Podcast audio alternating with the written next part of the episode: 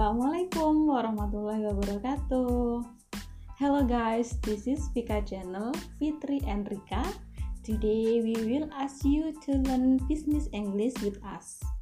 We are here in Balitar Islamic University, the entrepreneurial university, the best university in Blitar Raya.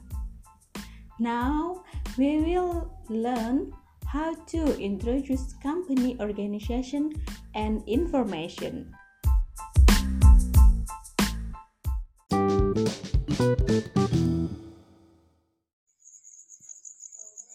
Um, okay, Miss Mahuda, how to introduce company organization and information? Oh, here are a few rules of introduction which are useful to remember. The first, men are introduced to women. Second, young people to elder ones. The third, old friends to newcomers. And the last, a young girl to a married woman. Manners are very important in every country, but different countries have different ideas about what good behavior and good manners are. It is right? Yes, it's right. Nowadays, many people travel abroad, so it's important to learn a little about what to do and what not to do in a foreign country. Alright, then we will give a simple example form of introduction that will start from Mahuda. Okay, the simplest form of introduction is the pronouncing of the two names. From the first, man to man. Mr. Walters, Mr. Jordan. And the second, man to woman. Miss Reza, Mr. Jordan. Or we can give her name first.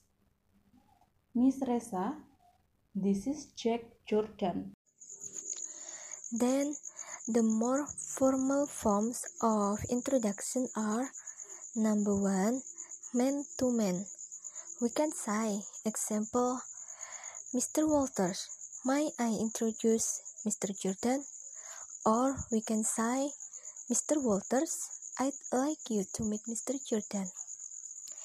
And then number two, man to woman. We can say, Miss Reza, may I introduce my assistant Jack Jordan? Or we can say, Miss Reza, I'd like you to meet my assistant Jack Jordan. As a rule, when introducing, one says something like, Mrs. Jones, may I introduce Mr. Budi? And then turning to Mr. Budi simply says, Mrs. Jones. That's all necessary. But one may add, Mr. Budi has just returned from a visit to France. Or some other bit of information which will give the introduced people a chance to start conversation. Yep, then the usual response to an introduction is How do you do? Which is a sort of greeting and not a question about your health, and the best answer to it is How do you do? Sometimes one might say less formally, I am glad to meet you, or happy to meet you, or just hello. It is very good to add the name of the person introduced, like I'm very glad to meet you, Mr. Jordan. Yes, you are right. If you didn't remember the name, it's perfectly alright simply to ask, What was your name, please? Or could you kindly repeat your name?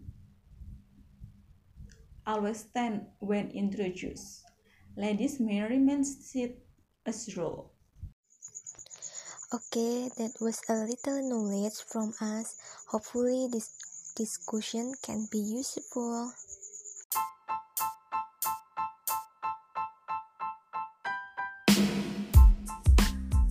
Thanks for everything. Keep your spirits up and hope this is useful. Bye bye. Wassalamualaikum warahmatullahi wabarakatuh.